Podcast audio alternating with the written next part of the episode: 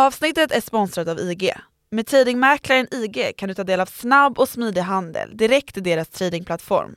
Med ett brett utbud av marknader och handel med flexibel hävstång kan du dra nytta av flera tradingmöjligheter. Handla de mest populära indexen, aktierna, råvarorna och valutorna, både på utländska och svenska marknader.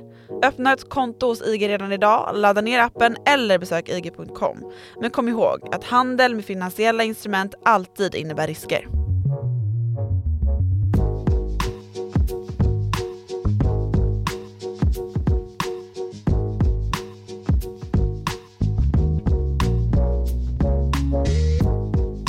I en värld med superlåga räntor, gratis pengar och frodiga börsvärderingar står vi nu mitt i ett skeende liknande det som senast när det bar iväg söderut för en av våra mest omhuldade företagsstrukturer, som dessutom tenderat att ständigt ta sig nya former. Vi pratar om konglomeraten vars tidevarv återigen är nu. Trots att få bevis finns för att de synergieffekter som existerar i teorin när flera bolag samlas under gemensam fana i generella termer är verkliga så tycks växande omsättningar och högre vinster på pappret fortfarande attraktivt för börsens investerare. Flera av våra största succéer på svensk börs är så kallade förvärvskonglomerat som lockar till sig såväl professionella miljardärer som småsparare på jakt efter avkastning och samtidigt tycks flera av de allra mest utbombade industrikonglomeraten, bolag som tyska ThyssenKrupp och amerikanska GE, letat sig ut mot en ny vår efter årtionden på konkursens rand genom att gå motsatt väg och stycka upp verksamheter. Vad kan vi egentligen utläsa av händelseförloppet? Rör det sig om en så kallad kanariefågel i en kolgruva eller har vi hittat stordriftsfördelarnas magiska formel? Det här är Follow the Money, en podcast om makt, storfinans och börsen av med mig, programledare Martin Nilsson och utrikesredaktör Joakim Rönning som väl får börja med att svara på frågan vad ett konglomerat egentligen är. Ja, hej på dig! Hej! Det här är ju mikroekonomins magiska värld vi ska in i nu. Ja, välkommen! Ja, tackar. Vi får göra lite skillnad här då. Konglomerat är bolag som slår sig samman för att sprida ut risk utan att bolagens verksamheter konkurrerar med varandra. Det är det man kan läsa i skolboken. Så då tänk, tänk en, eh, ska vi ta en mekanisk verkstad som slår sig samman med ett, um, ett rörmokeri, typ. Mm. Två helt olika verksamheter som inte konkurrerar med varandra. Och det är då till skillnad från vanliga förvärv som ju brukar ske genom att bolag i samma bransch eh, slår sig ihop det ena köper det andra. Kanske till och med att konkurrenter slår sig ihop för att ja, konkurrera mot andra konkurrenter på ett ännu bättre vis. Och det kan man ju också kanske kategorisera som i våra dagar då, när vi pratar om börssuccéer, serieförvärvare, sådana som gör det här i väldigt stor skala. Mm. Eh, köper upp bolag i samma bransch och då har vi till exempel Embracer där ju. Just det, Lars Wingefors bygge. Från min hemstad. Karlstad? Inte Mjölby. Nej. Precis. Uh, och ska vi prata förvärvskonglomerat då? Jag, jag, jag trodde det. Ja, så är ju det en, ska man säga, variant där man då köper upp bolag som inte har riktigt samma verksamhet, utan man sprider ut risken och skapar en koncern där en massa olika verksamheter äger rum, saker som är helt olika varandra, som inte konkurrerar i samma folla överhuvudtaget. Så vad, vad är egentligen vinningen? Det är förvärv utan jättetydliga synergier? Mm. Det är ju då att man ska ändå få till synergier, i teorin i alla fall.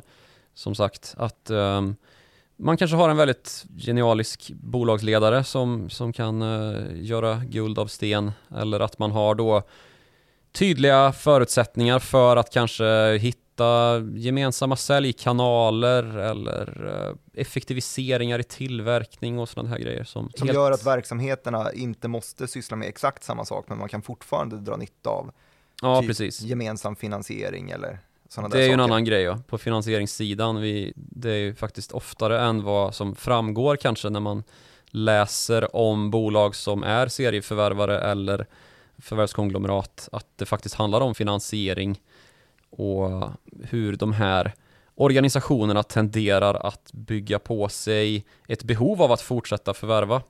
Och det kan ju vara lite problematiskt, men det är också liksom själva, utgör själva grunden för vad förvärvskonglomeratismen kommer ifrån, alltså byggandet av konglomerat. Vi skulle ju kunna gå tillbaka i historien, det vet jag att du gillar. Mm. Ja, särskilt du. Mm. och prata lite grann om hur det här kom att bli just en, en så populär och omhuldad organisationsform Och det var ju då under, andra, under kalla kriget, ska jag säga, efter andra världskriget som det blev väldigt populärt i USA framförallt.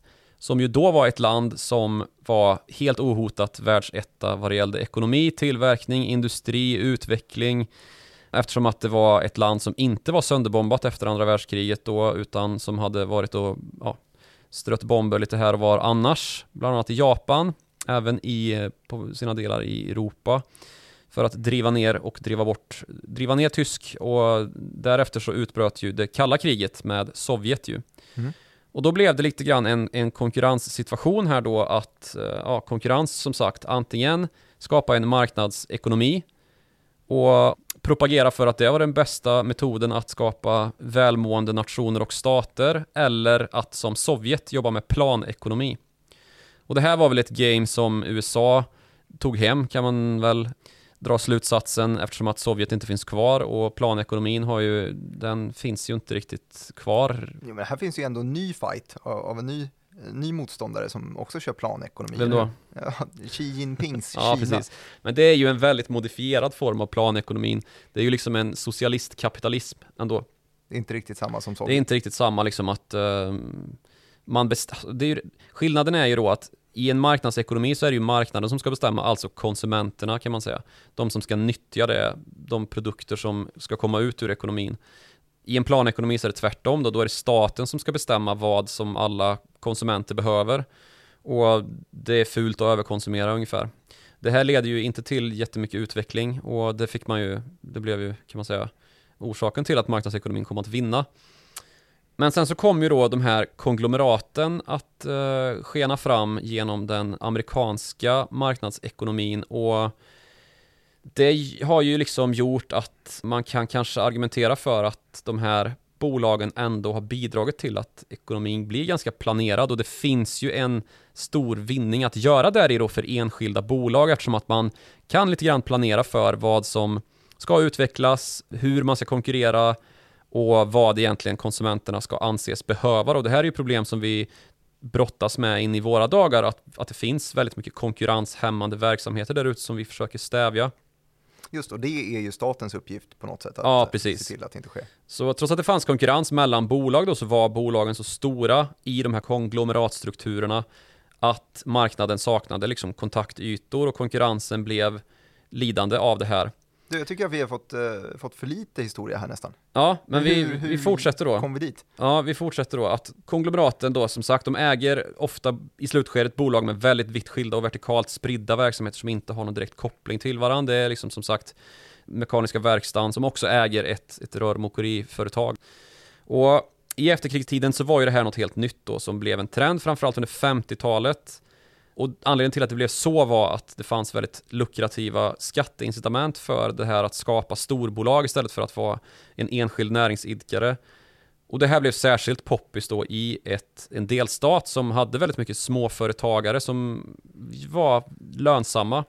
Och där var man ju då inom en spirande industri som bestod av olja och vapen. Det är ju fortfarande två stycken väldigt viktiga grenar av Texas ekonomi ju. Men på den här tiden så var ju det enorm tillväxtbidragare till USAs ekonomi då. Och det finns nog ingen som personifierar det här med eh, konglomeratbygge bättre än James Ling. Som jag aldrig hört talas om förut. Nej men nu ska du få höra om honom då, för han hade ett eget bolag, han, han hade startat ett eget bolag efter att ha blivit specialiserad elektriker inne på ett av de här vapentillverkningsbolagen, Lockheed Martin som vi har kvar i våra dagar. Då startade han ett eget bolag och insåg då att det här med skatteincitamenten kommer ju göra att jag måste ju starta dels ett eget bolag först och främst och sen så måste jag slå mig ihop då med andra bolag för att inte beskattas till närmelsevis lika mycket. Så att det, det liksom genererade mer av att generera mer. Ju högre vinst och omsättning du hade, desto lägre marginalskatt fick du betala då. Mm -hmm. Det här gjorde ju han då med hjälp av, för han hade inte så mycket, han var väl, började väl bli lite smårik liksom, men på ett, på ett ganska privat plan ändå. Det var inte så att han hade ett jättestort företag. Så han började då nyttja sina egna försäljningskanaler som han hade upprättat och sin egen förmåga att sälja produkter och framförallt kanske idéer. Och så började han då köpa upp andra bolag med aktier och eh, skuldkapital då i form av, som han har fått in genom obligationsemissioner. Kan vi, kan vi bromsa här just då, hur, hur en sån sak går till? Är det precis samma sak som idag när ja. Ja, men, eh, det är det. SBB eller Embracer eller någon av de här som förvärvar väldigt mycket eh, trycker upp nya aktier och eh, förvärvar en del av Precis. finansierar en del av förvärvet. Ja, precis. Eller att man skuldfinansierar helt och hållet då, att man eh, sätter ut en obligation och lovar att betala tillbaka den här då. Mhm. Och så delar man ut pengar till ja, men ägare av bolag som man vill köpa som inte är intresserade av att ta aktier och därmed då få del av framtida vinster i det här nya bolaget utan ja, men de vill ha cash helt enkelt, de vill vara helt likvida. Så det var två olika metoder då som han, han kom på att så här kan man ju bygga bolag faktiskt. Så byggde han ett jättestort bolag med inte bara liksom avsevärt lägre skatt utan också flerfaldigt högre omsättning och vinst ju. Mhm. Och det här blev ju hans guldägg då att han dels byggde myten om att vara en stor ledare som, som liksom värpte, värpte guldägg som en gåsen i den gamla fabeln. Och dessutom att han var väldigt, väldigt duktig på att skapa synergier och effektivisera och få till produktivitetsförbättringar. Och det låter ju bra, eller hur? Mhm. Ja, finns det, ju, känner man ju ändå igen det här med att det finns en stark ledare som, som är ett management-geni liksom. Mm. Och vips så hade då bolaget växt så mycket att han kunde nyttja jättemycket, alltså ju större bolaget blir desto mer obligationer kan han ju sätta ut till ett högre värde och ju mer, alltså ju högre värdering fick ju de här aktierna och därmed också emissionsstorleken att köpa bolag för. Eftersom att hans, hans bolags värde växte då. Det blir billigare för honom att ta in pengar. Ja, precis. Och till slut då så attraherade han intresse från en viss investmentbank i New York när han hade växt liksom ut från Texas och Ja, från att ha varit en serieförvärvare då som först hade köpt andra elektrikerbolag, han var ju som sagt specialelektriker, så blev han ju tvungen att börja liksom vidga sin sfär med hjälp av en bank. Och den banken heter Lehman Brothers. Och det är ju den bank som är mest känd för att den inte finns längre. Och för att den orsakade utlösan, utlösningen. Oj. För att den kollapsade och utlöste finanskrisen 2008 ju. Det har inte riktigt med det här att göra men lite senare skede så har det ändå, ändå det på, vi kommer till det också. Men nu, nu köpte han då inte bara fler och fler bolag utan allt större sådana också då. Och eftersom att det sedan länge liksom hade börjat ta slut på elektriker i Texas och köpa upp så började han ju sondera terräng i allt från sportutrustningstillverkare till ja, men vapen och flygplansutvecklare. Och nu blev då det första riktigt stora konglomeratet ett faktum och det kallades för LTV, Ling Temco Vaut. Och det var ju de då som höll på med allt det här från att tillverka liksom, joggingskor till missiler ungefär.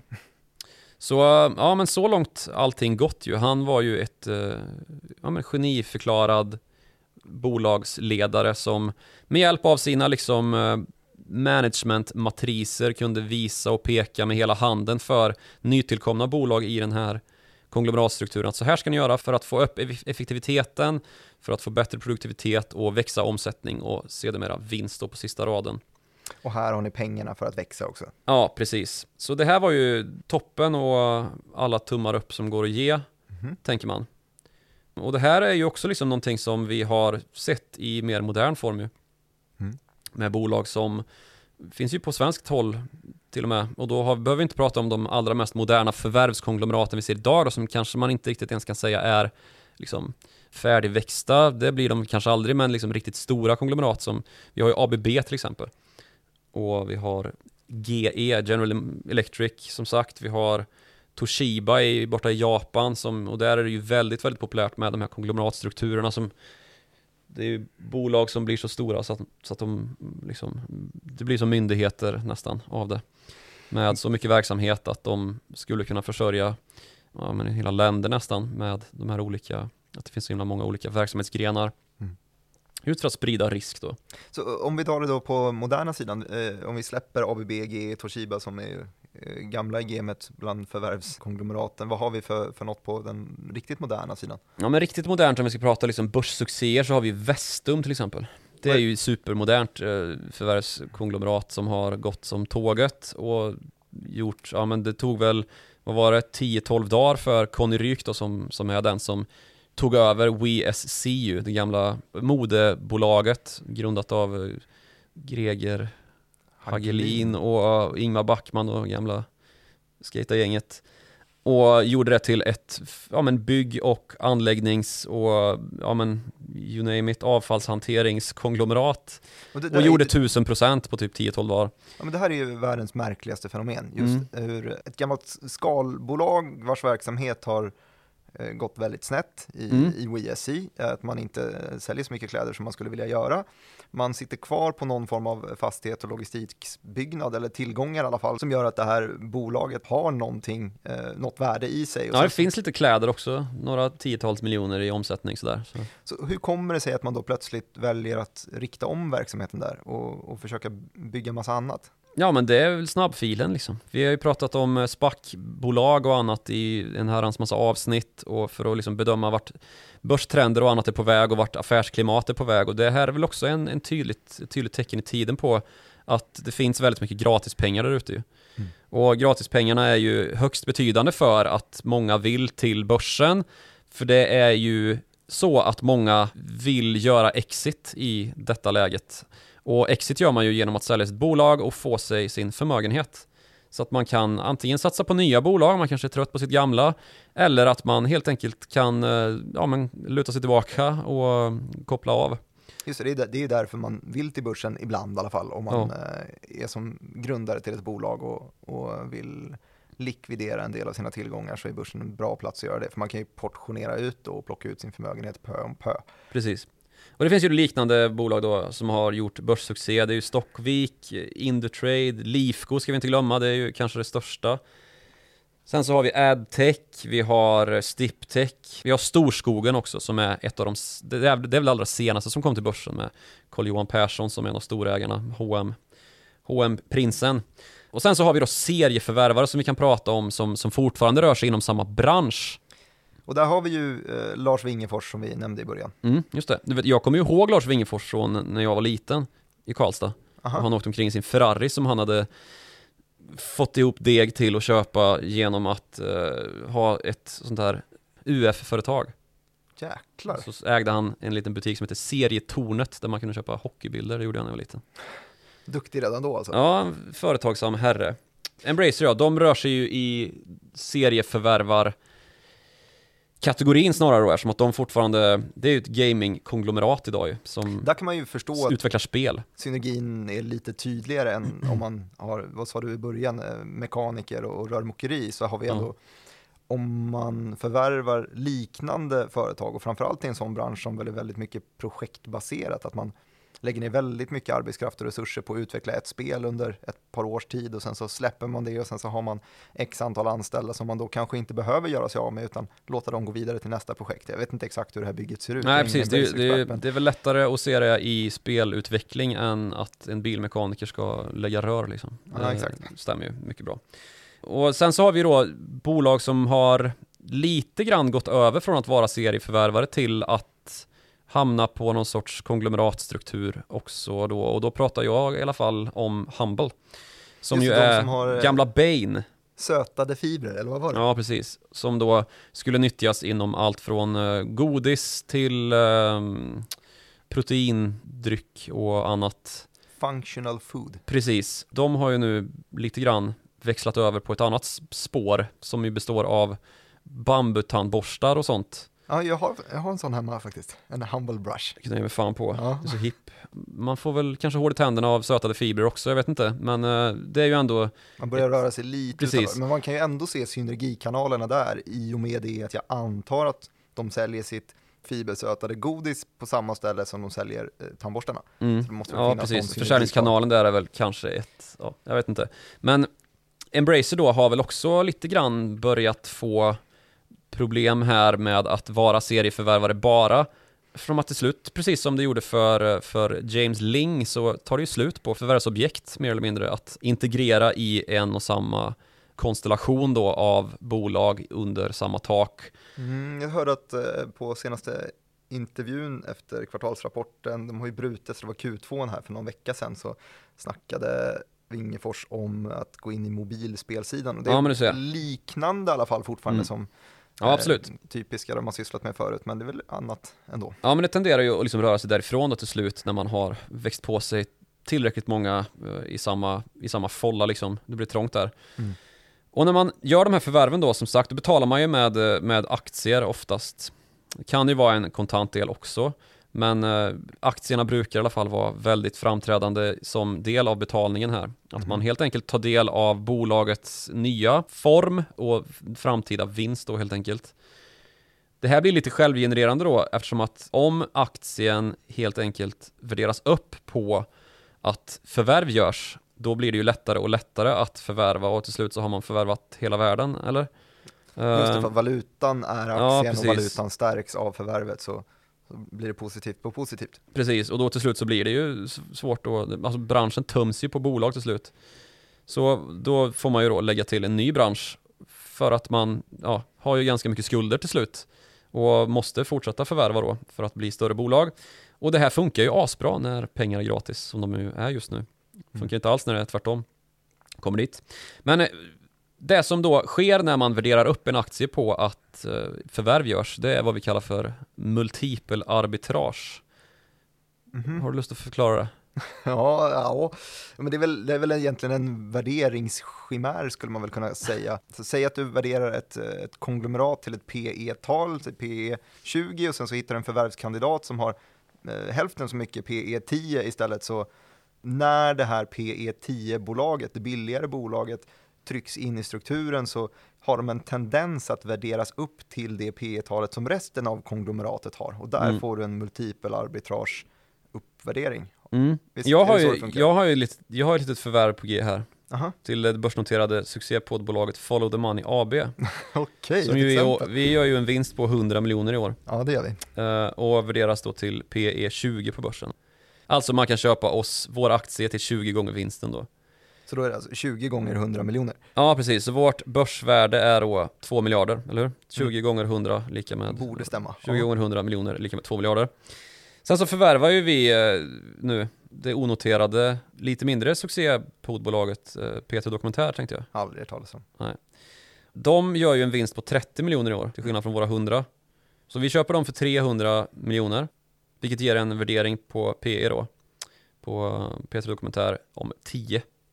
Okej, ja, Ja. vi har P 20, 2 miljarder värdering, de Mm. har P 10, 300 miljoner värdering. Just det. Och när handeln sätts igång då efter att vi har kommunicerat det här eh, förvärvet så kommer det då visa sig att kursen, våran aktiekurs rör sig så att börsvärdet ökar till eh, 2,6 miljarder. Så vi ökar med 600 miljoner. Mm, Aha. precis, trots att vi bara förvärvat för 0,3 miljarder så får vi alltså en ökad börsvärdering med 0,6 miljarder från 2 till 2,6 miljarder. Mhm. Är det att det är så stora synergier mellan P3 Dokumentär och Follow the Money? Ja, det verkar så. För vi får ju då behålla den här värderingsmultipeln PE20 trots att vi då köper ett bolag med PE10. Mhm.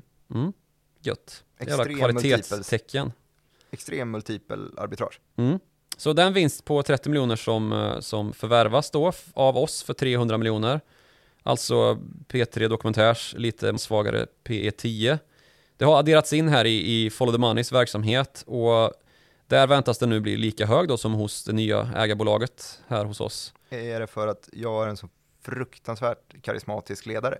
Nej, om- eller ja, ett halvt karismatisk ledare, Ja, ledarskap. det är mer sanningsenligt. Mm. Helt plötsligt då så, så har alltså 300 miljoner trollats fram till, till aktieägarna i Follow the Money, så det är bara att gratulera. Mm. Och det är då vad som kallas för multipel arbitrage.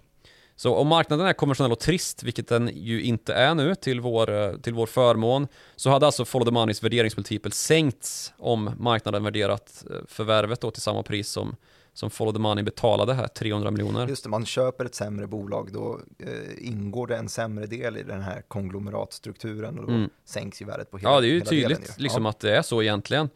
Men förr i tiden då så var det ofta precis så här som marknaden re- reagerar också lite skeptiskt liksom till förvärv. Att det sänkte värderingen på bolag som, som gjorde förvärv eftersom att man liksom på förhand inte vet om ett förvärv är bra eller dåligt. Det, det får ju tiden utvisa om, om det är bra eller dåligt och om det förtjänar den värderingsmultipel som det förvärvande bolaget redan har då. Och ska det in i det nya bolaget så då ska ju det nya bolaget som blir till då ha en lägre multipel, allt annat lika ju. Men det finns ju också den här, alltså delen i ekvationen är ju synergierna som vi inte pratar om nu. Nu snackar vi om det bara var någon form av multipel arbitrage som, som trycker upp det. Men det finns ju mellan två stycken podcastverksamheter så man kanske bara behöver en studio eller eh, hälften så många producenter som ligger bakom det eller Ja, precis. Och dessutom en halvt karismatisk ledare. just det. Ja, så det finns ju en massa tilltro här i marknaden nu som inte finns på liksom fundamental basis och helt enkelt lita på utifrån siffror på pappret. Utan det här är ju bara en uppvärdering som görs av mentala faktorer om förväntan kring att det här kommer ju bli skitbra det. Mm. Och det finns ju då bolag som som vi har sett en väldigt tydlig så här, åh, de köper någonting, vad kul. Särskilt små bolag. De köper någonting, vad kul, det här kommer ju värderas upp till uh, oändligheten. Det har ju funkat väldigt, väldigt bra nu under lågräntetid när man värderar framtida vinst mycket, mycket bättre än vad man gör nutida vinst liksom. Mm. Att eh, så fort som räntan rör sig lite grann norrut, alltså riskfria räntan, 10-åriga amerikanska räntan, så, så stuper liksom tillväxtbolagen och omvänt då när, när räntan kommer, kommer ner igen så, så sätter det fart på Nasdaq och andra sådana här index med väldigt mycket tillväxtbolag och framtida techvinnare liksom. Det såg vi en effekt på idag när vi spelar in det här så är det ju den 23 november och då är det ganska nyligen eh, Igår kväll så fick vi eh, nyheten från amerikanska marknaden att eh, vi har fått tydlighet kring Fed-nomineringarna. Då stod det mellan två stycken parter varav den ena var ganska duvaktig och den andra lite mer duvaktig. Det var alltså Jerome Powell och eh, Lael Brainard va? Ja, precis. Eh, och där stod det då en liten spekulation kring att det skulle vara Brainarden då som eh, skulle bli nominerad som, som ny Fed-chef. Och hon då tolkade som lite mer duvaktig. Och alltså- duvakt är alltså att man inte vill eh, höja räntan. Ja, kort sagt. Lite, lite lättare tyglar på ekonomin, lite godare affärsklimat på kanske bekostnad av en eh, skenande inflation eller vad man nu tycker. Mm. Eh, och det här slog ju då mot marknaden när det sen visade sig att nej, men det blir Jerome Powell ändå. Då fick det en liten netto negativ effekt på räntesidan där man då såg att de var lite, lite högre. Nu hamnade vi i ett eh, hål av multipel arbitrage, men det kändes som att du inte riktigt kom i mål med, vad hette han, James Ling? Nej, precis. Det passar bra att ta upp det här igen. För då i slutet på 1960-talet så hände ju någonting i världsekonomin och det består då dels av att USA har ångat på i den här efterkrigstiden samtidigt som många av de europeiska länderna och även Japan har kommit på fötter och börjat ta sig ikapp USA i teknisk utveckling. Vi har fått de första liksom miniräknarbolagen i Japan och vi har fått um, europeisk, både flyg och annan högteknologisk utveckling som har börjat närma sig Silicon Valley och den amerikanska industrin. Så nu börjar det bli lite jobbigt här för USAs företag att konkurrera på världsmarknaden efter att då ha kunnat exportera helt fritt och därmed då drivit upp den amerikanska dollarn. Plötsligt så finns det en konkurrens då där ute från, från en hel massa andra bolag över hela världen som som är med och gör så att USA helt enkelt tjänar mindre pengar än tidigare. Och då börjar ju myndigheterna dra öronen åt sig här och fundera på vad är det som inte står rätt till? Och då gör bland annat FTC då en egen utredning om den amerikanska ekonomin och där FTC ska jag säga, det är den federala handelskommissionen i USA. Och då börjar man alltså dra i det här med de konglomeratstrukturer som finns och fråga sig hur står det till med det här, de här stora verksamheterna med dinosaurieverksamheterna Finns det liksom någon skillnad på hur de agerar och hur de kapitalallokerar, alltså styr vinster från verksamheter in i utveckling och vinstförbättrande forskning och genererar ny teknik och vinster som då inte går att få till med tidigare prestanda liksom. Man undrar varför man tappar eh, försprånget. Ja, precis. Och så börjar man fundera på om det finns någon poäng egentligen med att göra det i så här stora strukturer eller om det egentligen är konkurrenshämmande. Att de då, om de hade varit mindre bolag, hade agerat på ett annat sätt som hade varit mer utvecklande. Och fokuset är ju helt enkelt att man ska reda ut då om de här synergierna som det pratas så mycket om i konglomeratstrukturerna verkligen finns. Är de verkligen verkliga? Vad är, vad är negativa sidan här? Vad, vad är det som gör att de inte skulle kunna konkurrera på samma sätt? Ja men just den här planeringsdebatten tar ju fart här igen då, att USA har ju liksom gjort sitt case att marknaden ska styra, kapitalismen är bra och dess motsats är döden liksom. Det antifria, det planekonomiska och Sovjet, allt som har med socialism att göra är någonting farligt. Så då när, när James Ling sitter på ett gigantiskt konglomerat med tusentals olika företagsidéer så har inte de som har varit allra sämst har inte dött utan de har överlevt och bara följt med strömmen i alla fall. Där om, om de hade varit enskilda bolag hade de konkat Precis, det finns ju, det, det, har vi ju haft i våra dagar också den här diskussionen om zombieföretag då som är så beroende av bidrag och stöd och nya lån som ska, som ska tillmätas dem då för att kunna överleva och att de är too big to fail ungefär. Så att man måste låta dem överleva men de är inte lönsamma, de är bara en, en kostnad för de som ska låna ut till dem för att de ska överleva och att de i vissa fall till och med tenderar att kunna bli så stora att de antingen hotar systemet då som vi hade problem med finanssektorn under slutet på 00-talet eller att det blir som Ja men ta till exempel GE då som har liksom flera hundratusen anställda. Det skulle bli en alldeles för stor ekonomisk chockvåg genom hela USA, hela världen i princip om ett så stort bolag skulle gå under. Och de här stora skuldhålen då där många banker har tvingats mer eller mindre låna ut då från, ja men via egentligen nästan dekret från regeringar och med stöd då från subventioner som är myndighetsutdelade så leder det till för stora hål i ekonomin att vi får en finanskris och att vi inte klarar av att försörja vårt finansiella system med den likviditet som krävs då. Och det här är ju någonting som som FTC också börjar se att det här är ju någonting som vi i våra utredningar ser att det entydiga svaret på de här synergierna och produktivitets och effektivitetsförbättringarna är lögn. Svaret är ju nej. Orsaken till att marginalerna växt och att vinsterna har blivit högre de här senaste tiotalet år när vi har haft konglomerat som på högsta modet i företagssammanhang. Det är ju konsekvensen av liksom magiska hatten. Eh, och i den här magiska hatten så hittar ju FTC kreativ bokföring och att sanningen om de här skenbart mirakelmakande managementkonsultfirmestödda ledarna är liksom en illusion av utveckling som endast liksom byggt ett jättestort korthus. Hemligheten i konglomerat är ju att de växer ihop och blir väldigt kraftfulla samtidigt då som de också faller tillsammans och ju tyngre du är desto tyngre faller du också. Så ett avgörande problem är ju att, att folk inte kan bokföring som blir väldigt attraherade av den här idén då på konglomerat. Det konstaterar liksom FTC i svart på vitt. Att... Um, men det här är alltså 1900... Tidigt 70-tal är det som, som de, här, de här utredningarna, myndighetsutredningarna blir klara. Och att man bara helt enkelt från investerarhåll då ser att wow, vilken omsättningstillväxt de har.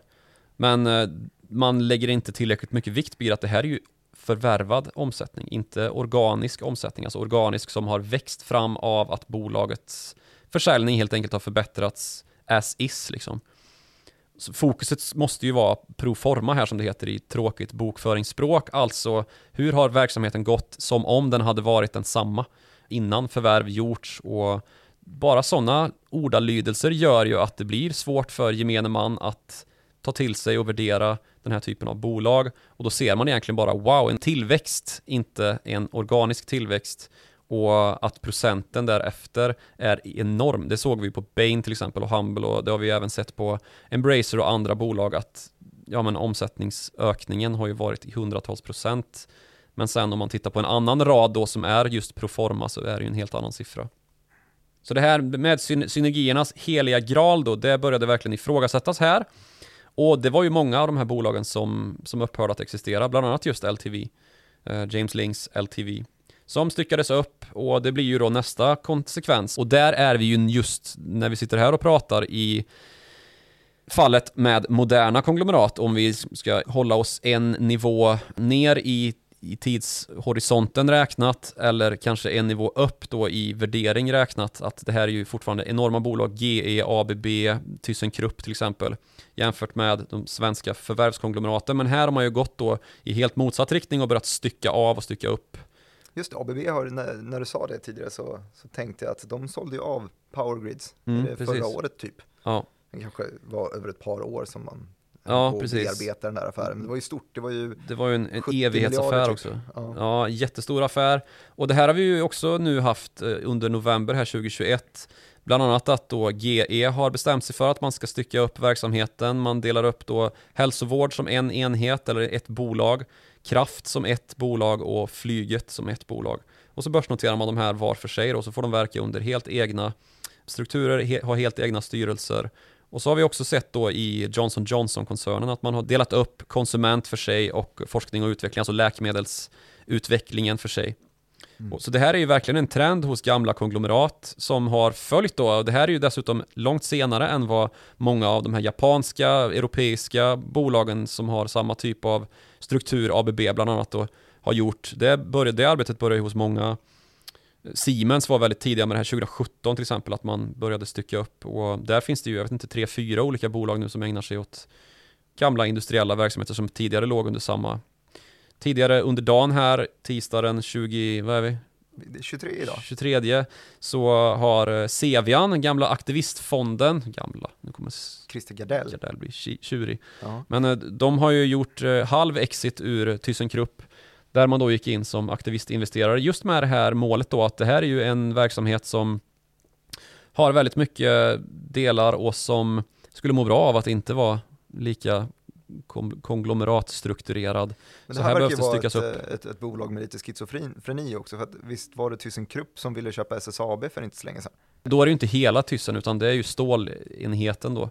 Och sen så vet jag inte hur mycket sanning det låg i det där. Och sen så har man ju, man har ju haft hissdivision och man har haft eh, fordonsdivision och det, det är liksom ett gitter av bolag som nu styckas upp som sagt och som blir var för sig enskilda bolag som, som är värda mer i separat struktur än i sin enighet i nuvarande form då. 3 minus 1 är lika med 3.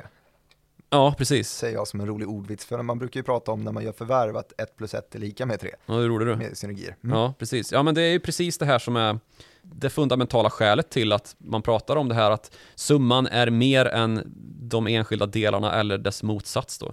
Det är ju verkligen någonting som har aktualiserats nu de senaste åren av hett börsklimat och billiga pengar. Men du säger ju här att eh, det funkar så länge det är låg ränta och billiga pengar, men eh, hur blir det när den är motsatt? Ja, det finns det ju. Man skulle kunna prata vidare då om, om GE till exempel, som ju blev så stort att det var ju världens största företag där vid millennieskiftet, alltså världens, världens största företag med världens högst börsvärderade företag.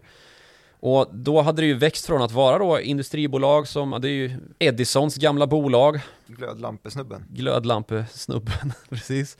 Det hade ju växt från glödlampor till uh, flygmotorer, och till slut så var det till och med ett försäkrings och finans och kreditbolag liksom. Så att de hade ju snöat in på det här med att just fortsätta växa för att kunna försörja sin enorma skuldsättning med nya skuld, nytt skuldkapital. Och till slut så gjorde man det genom att bli det mest kapitalintensiva som finns, alltså ett ja, men finansbolag helt och hållet nästan. Alltså GEs omsättning utgjordes till mer än hälften då av just den här kapital, GE Capital där någonstans mitten på 00-talet.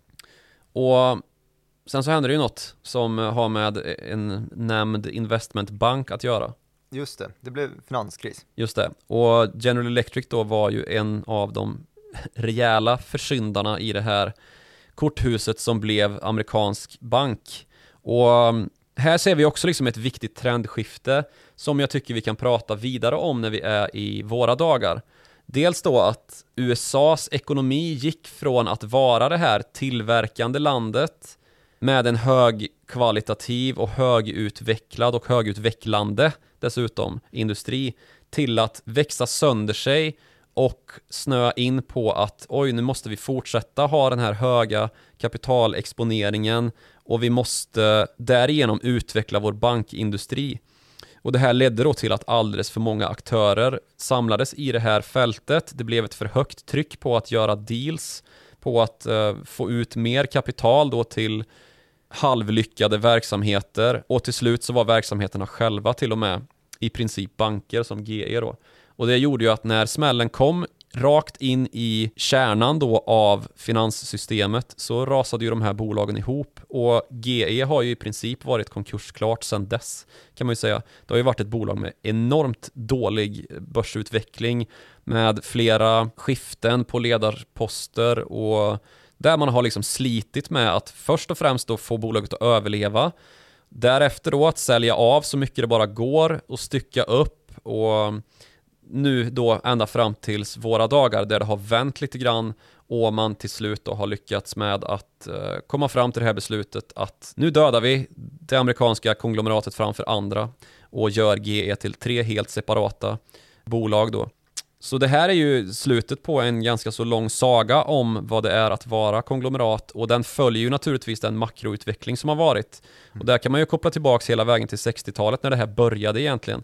Att precis nu som då så var det extremt låga räntor, det kanske man inte vet, men amerikanska räntan låg på ungefär 2% där under 60-talet när det här blev som populärast då att satsa pengar och trycka ner lånekostnaderna ytterligare genom att eh, ingå konglomeratstruktur och kunna försörja sina vidlyftiga affärskoncept och sprida sin risk istället för att gå via att ha en solid struktur i ett bolag då, börja förvärva och se att det här går ju vägen så länge det inte är så dyrt med pengar.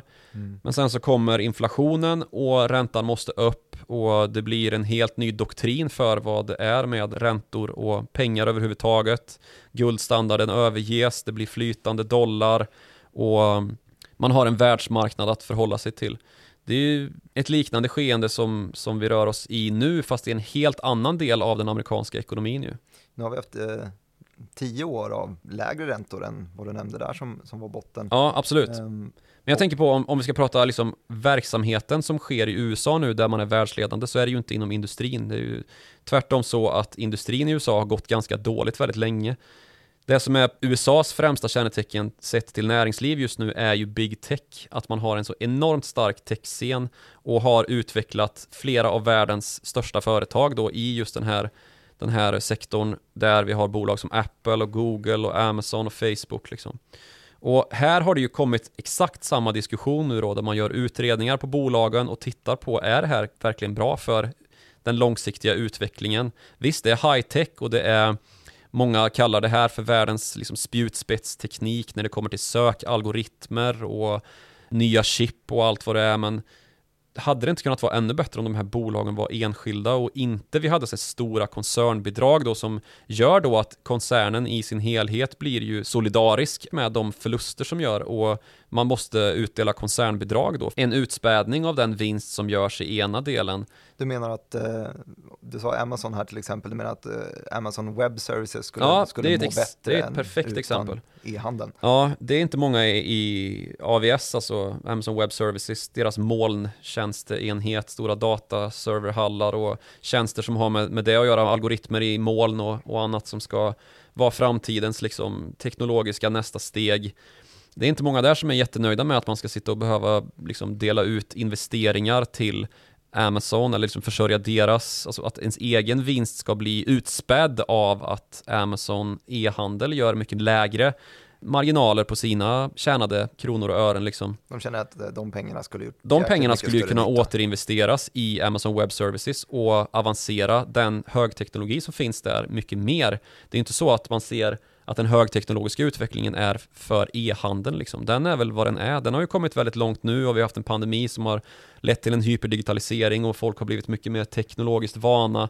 Men det är ju inte liksom hårdvaruutvecklingen i Amazon som kommer göra framtidens stora teknologiska landvinningar utan det är ju inom Amazon Web Services och ja, men, bolag som Amazon Web Services har som kunder och som säljer produkter till Amazon Web Services, alltså typ chipbolag och ja, den verkliga högteknologiska hårdvaruutvecklingen. Men så länge som räntan är, är låg och det är billigt med pengar så kommer de ju inte ha något problem att, att finansiera sig i alla fall. Nej, absolut inte. Men eh, det hade kunnat finansieras mer då om man inte behövde spä ut sin vinst som sagt. Och det här är ju då någonting som precis då som nu, alltså att eh, LTV blev drabbade av FTC Federal Trade Commission, handelskommissionen i USA på 60-talet så, så blir ju Google det as we speak här. Och Google är ju kanske det bolag som först och främst då har fått ögonen på sig just för att man har gjort mycket förvärv. Och det har ju Apple också gjort som ju i den här hårdvaruutvecklingen ändå kan anses vara ganska så, ja men motsvarigheten till Google då. Google sitter mer på mjukvaruutveckling, man håller på med sina algoritmer medan då Apple, de har ju precis eller precis, det är ju något år sedan nu man lanserade sina M1-chip som ju är hypersnabba och verkligen spjutspets Och att man då börjat utveckla egna chip snarare än att man lägger det i Taiwan hos TSMC eller eh, någon annan Intel till exempel. Och därmed då blivit den absoluta spjutspetsen för den här viktiga utvecklingen. Samtidigt så har man ju gjort väldigt stora förvärv av bolag som ägnar sig åt samma typ av verksamhet. Och där frågar sig ju nu myndigheter både i då USA precis som i Europa där ju konkurrenskommissionären Margrethe Vestager, hon är väl den allra mest framträdande av EU-kommissionärerna just i det att hon är så pigg på att se till att den europeiska konkurrensen inte stävjas av dessutom amerikanska bolag som kommer in på Europas techscen och köper upp och i princip lägger ner eller bara tar över teknik som man känner att man vill ha, vill ha och egentligen inte vill applicera utan bara slå vakt om sin egen affär och... Rest in peace Skype. Ja, precis. Mm. Eh, jag sa i introt här att det var som en kanariefågel i en, i en kolgruva. Vill du djup, djupdyka lite i det? Ja, vet folk vad den här liknelsen är? Nej, det är just därför. Ja, Okej. Okay. Uh, eh, men kanariefågeln i kolgruvan, eller the canary in the coal mine, brukar man använda som en liknelse för att lyfta fram en händelse som då skulle kunna indikera att någonting är på väg att gå käpprätt. Och den här kanariefågeln då användes i kolgruvor förr i tiden för att den dog av syrebrist innan människan gjorde det. Mm. Ja, stackars ändå. Ja, verkligen. Det, det... Jag tyckte inte du, nej. Nej. ja, men... Eh, det är ju väldigt synd om kanariefågeln såklart. Ja. Och det här då är ju någonting som används i finanssammanhanget ofta när man säger canary in the coal mine, då betyder det att ja men här har vi någonting som är det första tecknet på att nu är det dags att liksom ta sitt pick och pack och lämna börsen. Är det när, när spackarna börjar gå dåligt då? ja men typ, spackarna är ju en sån grej att ja, nu har det ju gått bananas här. Vill du berätta vad en spack är kort bara?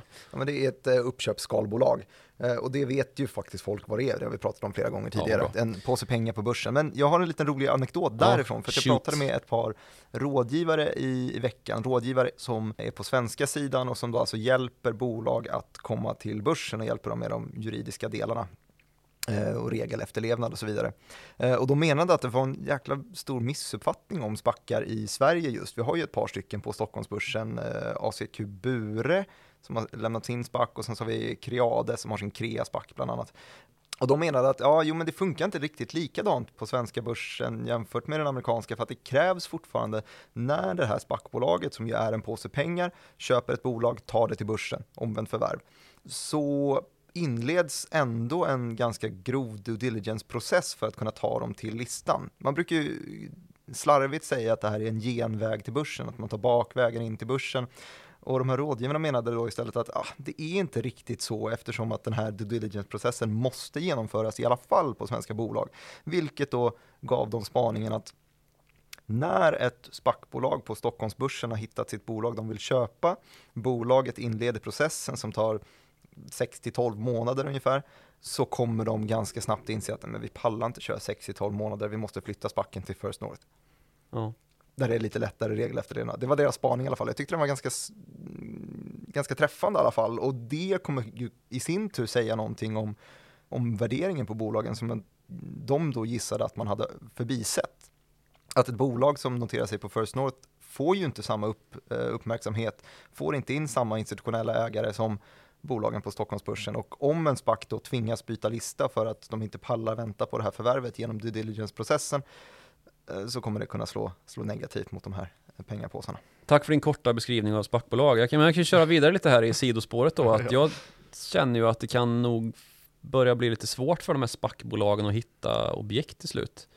Eftersom att man konkurrerar ju med en hel del förvärvs, serieförvärvsbolag och förvärvskonglomerat just nu när ja, de här trenderna ser ut som de gör. Och det som väntar då är ju en upplösning av de här SPAC-bolagen och liksom en uh, anti-SPAC-verksamhet där man får likvidera dem helt enkelt och betala tillbaks det som SPAC-ägarna har satt in.